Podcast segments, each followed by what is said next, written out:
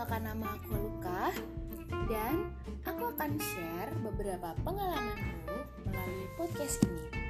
Semoga bisa menjadi pembelajaran kita semua dan bisa menginspirasi kalian. Thank you dan see you. you